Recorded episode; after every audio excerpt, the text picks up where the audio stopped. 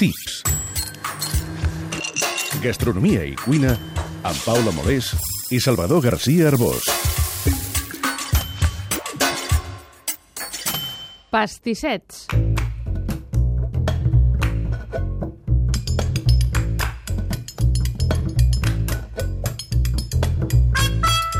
Els pastissets agermanen els dos costats del Sènia. Uns direm que són fet diferencial de les Terres de l'Ebre. Uns altres direm que ho són de les comarques de Castelló. Els pastissets canònics són els de Cabell d'Àngel.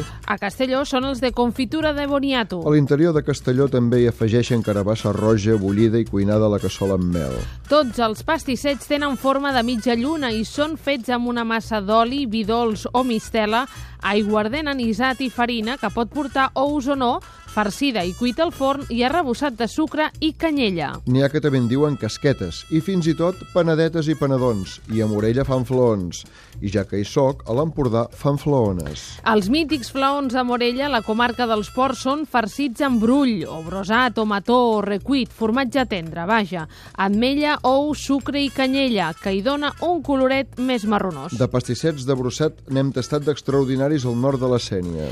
Hi ha una gran varietat de farcits, de rellenos, de brosat, de carbassa, de moniato, de confitura de taronja, de crema, massapà o fins i tot de xocolata. Les flaones de l'Empordà, típiques per Sant Pau de la Calçada a Figueres, són farcides de crema, mentre que a Torroella de Montgrí ho són de massapà.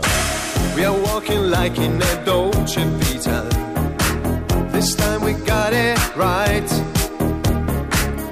S'ha explicat sempre que són d'origen islàmic, tot i que les primeres mencions amb les denominacions actuals no apareixen fins al segle XV. Malgrat que, com tot, les millors són les del dia, tenen la característica que es conserven bé en qualsevol ambient, encara que siguin de crema, ja que han estat cuits o cuites al forn. Es fan a les fleques i a les pastisseries i també a les cases particulars que no s'ho diuen però competeixen entre elles. Fins i tot ens han explicat que molts pobles fan concursos de pastissets casolans. El que marca la diferència més que el farcit és la pasta, que ha de ser molt cruixent i grumosa, en el bon sentit de la paraula, com ho seria una bona massa sablé francesa. Es veu que la gràcia està en plegar-los, fer el tancament final, el trenat. A Rasquera, on poden presumir de fer els millors pastissets del planeta, hi ha una empreseta que té una màquina per estirar la massa, posar-hi el farcit i plegar-los, però el trenat del seu plegat s'ha de fer encara manualment. Són ideals per esmorzar i berenar, però com que combinen tan bé amb el cafè i els aiguardents i els licors, són ideals per a la sobretaula. Són petit furs avant la letra. La versió escrita del Tips la podeu llegir a la revista Cuina.